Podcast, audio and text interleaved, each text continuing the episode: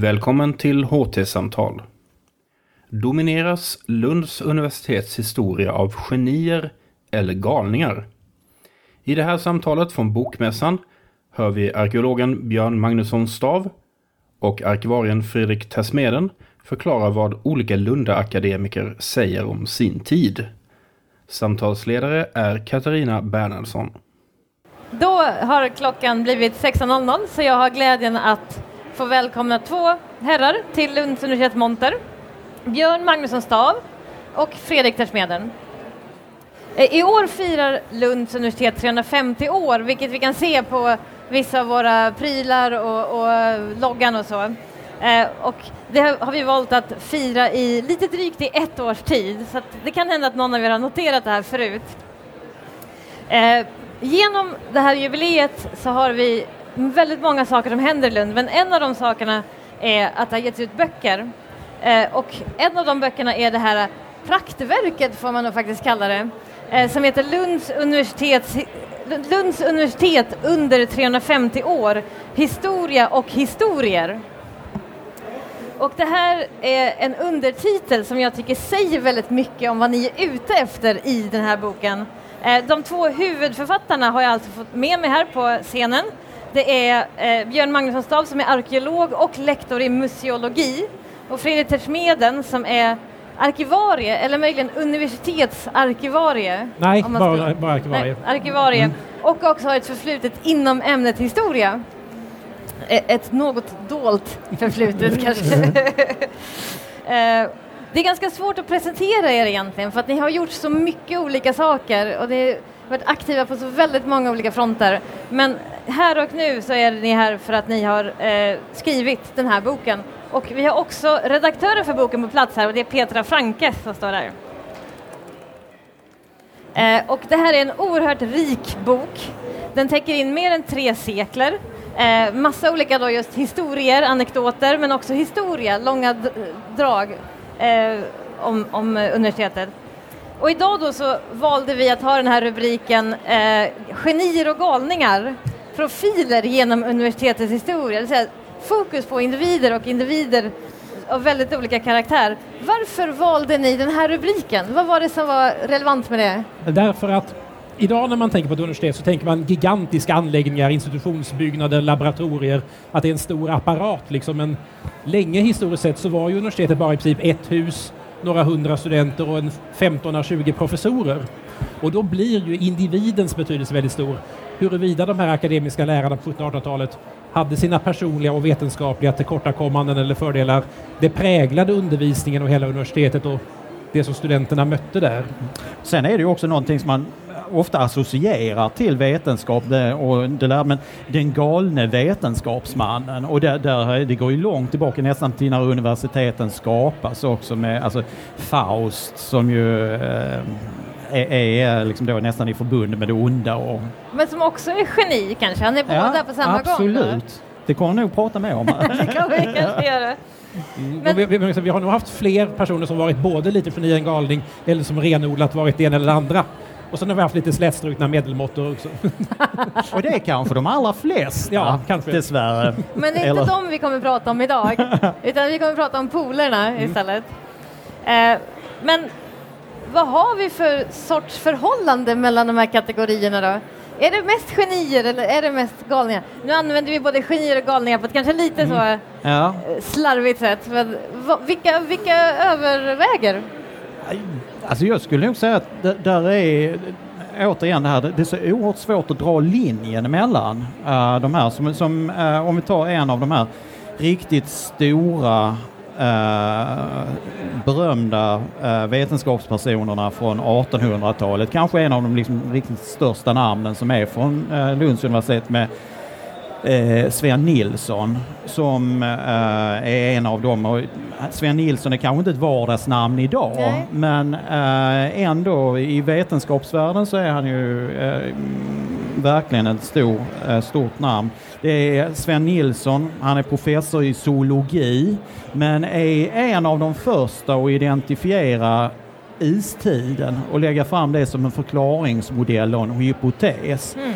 Eh, och sen så, inte nog med det, han lägger ju också fram en teoretisk modell för den sociala evolution från eh, äldsta tid och framåt och som fått enormt genomslag. Och, eh, när Eh, Eh, när eh, Sven Nilsson var i eh, England till exempel på studiebesök så var ju han, det var ju, han togs ju emot som en av de allra största eh, vid den här tiden och bland annat Charles Darwin bjöd in honom personligen. Men Sven Nilsson tackade nej för att han hade inte riktigt tid.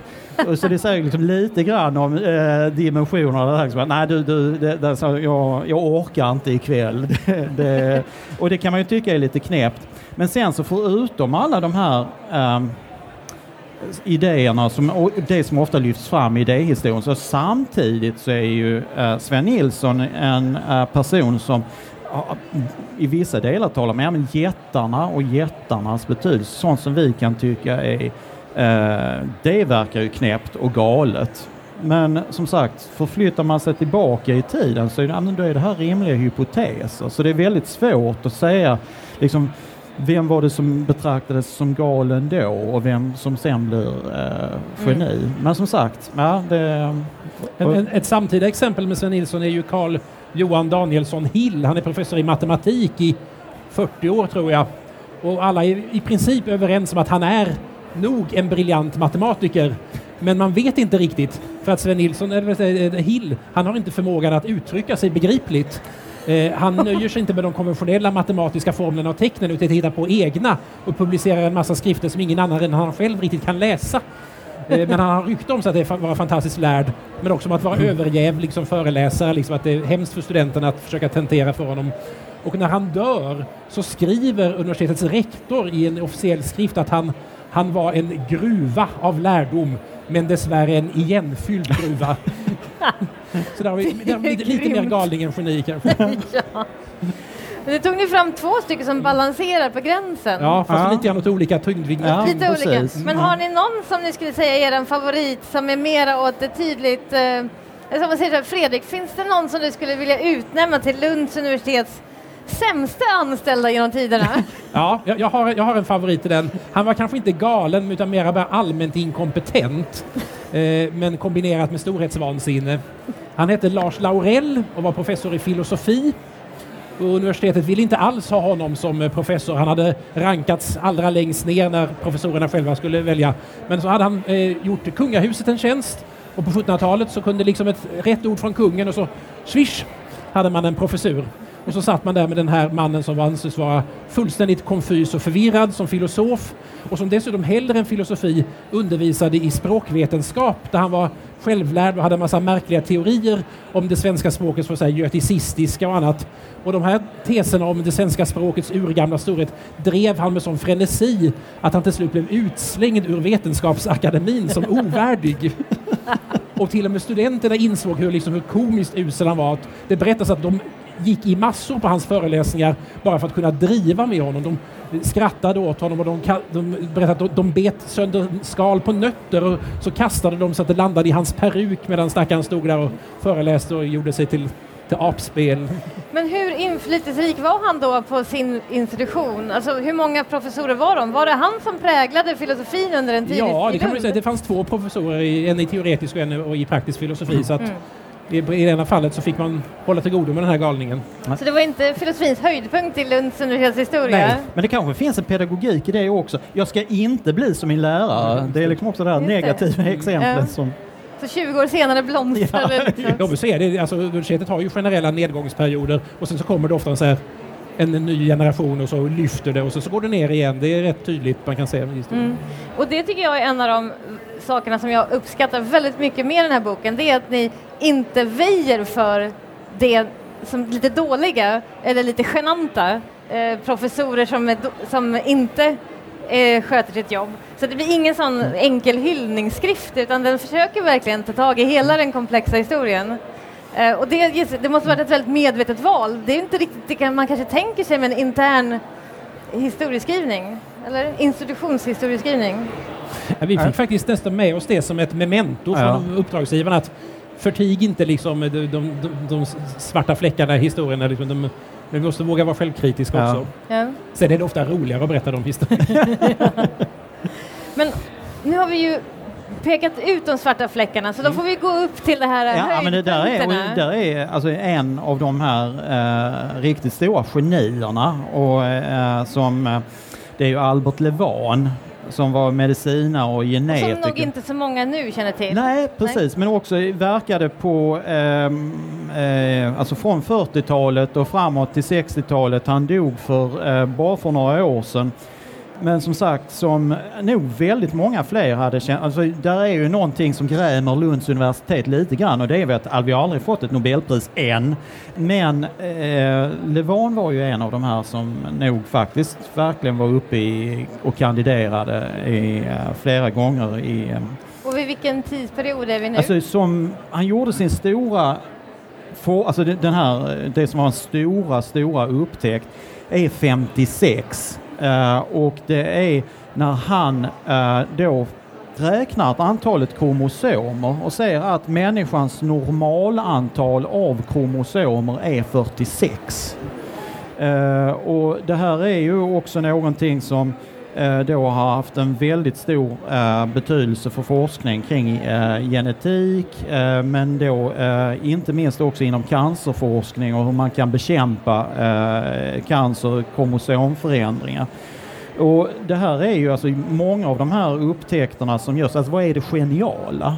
Alltså det geniala ligger ju ofta i någonting som man kan efter, jaha, ja du räknade kromosomerna, var det så svårt? Nej, men det gäller ju att komma på det här och kunna se vad är det som är de här sammanhangen. På samma sätt som när eh, Sven Nilsson såg sammanhang med att stenar som ehm, inte finns i Skåne kommer längre uppifrån. Hur kan de här ha fraktats hit och se samband med till exempel då, ja, men det kan vara en landis, kunna skapa, se de här samband. Vilket också gör att man nog och för att vara geni så måste man ju tänka utanför boxen, kunna se det som är uh, de annorlunda sambanden, det som inte har setts tidigare, men som i efterhand kan tyckas upp helt självklart. Eh, och sen är det ju här också att det kräver ju en väldigt stor koncentration och fokus och då kan man ju säga att Alltså vad gör ett geni? Ja men det är också att kunna fördjupa sig i någonting. Och när man fördjupar sig i någonting så skär man ju också av. Och där har Cecilia Torud som är serietecknaren och författaren som är dotter till eh, Albert Levan berättat en historia från 60-talet och där eh, Cecilia skulle gå ut och demonstrera eh, det var ju Vietnamkrig och eh, så vid frukostbordet, hon gjorde sig redo då för att gå ut på Lunds gator och eh, hennes pappa Albert frågade ja, så här, vad ska du ut? och Jag ska ut och demonstrera mot Vietnamkriget och Albert Levan sa Vietnamkriget? Vad är det för någonting? Och det, det, där är liksom det, det, har, har man sin uh, uppgift så blir det att då skärmar man ju av vissa, vissa andra delar och det, det är väl också någonting som är ganska typiskt för ett geni men också som gör att man lätt kufiska. Ja, det lät som du hade kunnat beskriva den andra polen, det är bara att de hade inte lyckats hitta någonting som var rimligt för andra. Nej, precis. Hitta samband, Ja, tänka ja, ja, utanför ja, ja. boxen. Men, men, men sen har vi, då har vi liksom där det smala geniet som är nere i kromosomerna och inte ser omvärlden. Sen har vi de här fantastiskt breda genierna som jobbar i flera vetenskaper. Sven Nilsson är en. Det är Karl Olof Agard som är vad kallas för algernas Linné, liksom sysslar med all spårväxters sexualliv å ena sidan. Å andra sidan sitter i riksdagen och drar upp riktlinjerna för en modern ekonomisk politik med tillämpande av statsskuld för att kunna finansiera långsiktiga infrastrukturlösningar. Så det som är oerhört mycket praktiker i ett helt annat fält än vad han är akademisk forskare Ja. i. Så här, så, och, som kan, kan, och sen blir han biskop på gamla dagar och då börjar han publicera sig teologiskt fast han aldrig har gjort det förr i sitt liv och sånt där. Så att, eh, Ja, det är verkligen två helt olika Mm, typer som låter fantastiska båda. Jag har en sista fråga till er, för att om man talar om det här med galningar, det handlar om misslyckande och så, då kan man ju fundera på det här med vad är framgång? Och är det verkligen alltid så att de som går till historien eh, är de som är framgångsrika, eller kan det finnas andra sätt att mäta framgång? Jag skulle nog säga att de, de flesta ganska så här lagom normalframgångsrika akademikerna har inte blivit särskilt ihågkomna. Utan det är ju topparna och bottnarna som liksom går till historien. Vi hade inte pratat lika mycket om en, en genomsnittsbra filosofiprofessor som vi har pratat om Lars Laurell nu. Eh, och ett bra exempel om man tittar bland studenter är ju Sam Ask den berömde överliggaren som liksom misslyckas totalt med sina studier, blir fetare, fattigare, mer tragisk på något sätt under sina 20 terminer på universitetet. Men han går in i litteraturhistorien, massor av hans generationskamrater, Frank Heller, Piraten och andra skriver om honom. Han är fortfarande känd och liksom en legend som unga studenter idag känner till. Fast de aldrig skulle kunna namnge någon av de professorer som liksom Samask inte gick på föreläsningar hos. Nej, och sen när man talar om misslyckanden så får man ju inte glömma att, att misslyckas är ju faktiskt också att skapa kunskap. När funkar någonting inte? Ja. Och det är ju när man kan till exempel falsifiera en hypotes. Och eh, det är klart att om man har investerat väldigt mycket tid i att lägga fram en hypotes som skulle verka trovärdig och annat eh, eh, så kan det ju givetvis bli en besvikelse när man säger att nej men det här, det här funkar inte. Men som sagt att in, att veta att någonting inte fungerar, det är egentligen faktiskt den sannaste kunskap vi kan få. Så, ja. så det blir lite av ett försvarstal till misslyckandet och ja, att det är en del av universitetets verksamhet också. Ja, och dessutom till misslyckandet men då ändå till optimismen att fortsätta vidare. Mm. Kanske inte då med exakt samma experiment om man vet att det misslyckas, men ändå någonstans se positivt på framtiden. Och det är också någonting som jag tycker är eh, spännande med universitetets historia, att det, det, det är verkligen inte bara en framgångshistoria, men det är att det har eh, det är en, det, det finns en optimism i universitetet och även till och med på eh, när i, precis i början av universitetets historia vid svenska krigen, när universitet, eller svensk-danska krigen, skånska krigen, när universitetet tvingas, tvingas stänga. Så eh, då är det ju tal om att faktiskt kanske Lunds universitet bara skulle blivit knappt tio år gammalt. Mm. Eh, men där det är fem personer som är äh, faktiskt ändå, ja men vi driver det här vidare. Och det här gör man i en stad som då är en ruin. För danskarna brände ner den när man drog sig tillbaka. Mm. Att ändå någonstans ha den här äh, viljan och optimismen så är det några som jag tycker är de riktigt stora hjältarna i Lunds universitets historia så är det de här fem professorerna på 1680-talet som vi kör det igen. Ja, jag instämmer. Det är ett fantastiskt slutord känner jag om liksom vad universitetet är grundat på. Det är inte bara det som hände 68 utan det är hur man får den att fortsätta mm. ja. och inte låta den bli bara en tioåring. Och det, där man kan läsa mer om det här då är den här populärvetenskapliga historieskrivningen som verkligen är menat att alla ska kunna läsa och, och, eh, och ryckas med i den som heter Lunds universitet under 350 år och som har getts ut av universitetet. Jag vill tacka er så mycket för att ni kom hit, Fredrik Smeden och Björn Magnusson Stav. Tusen tack så mycket.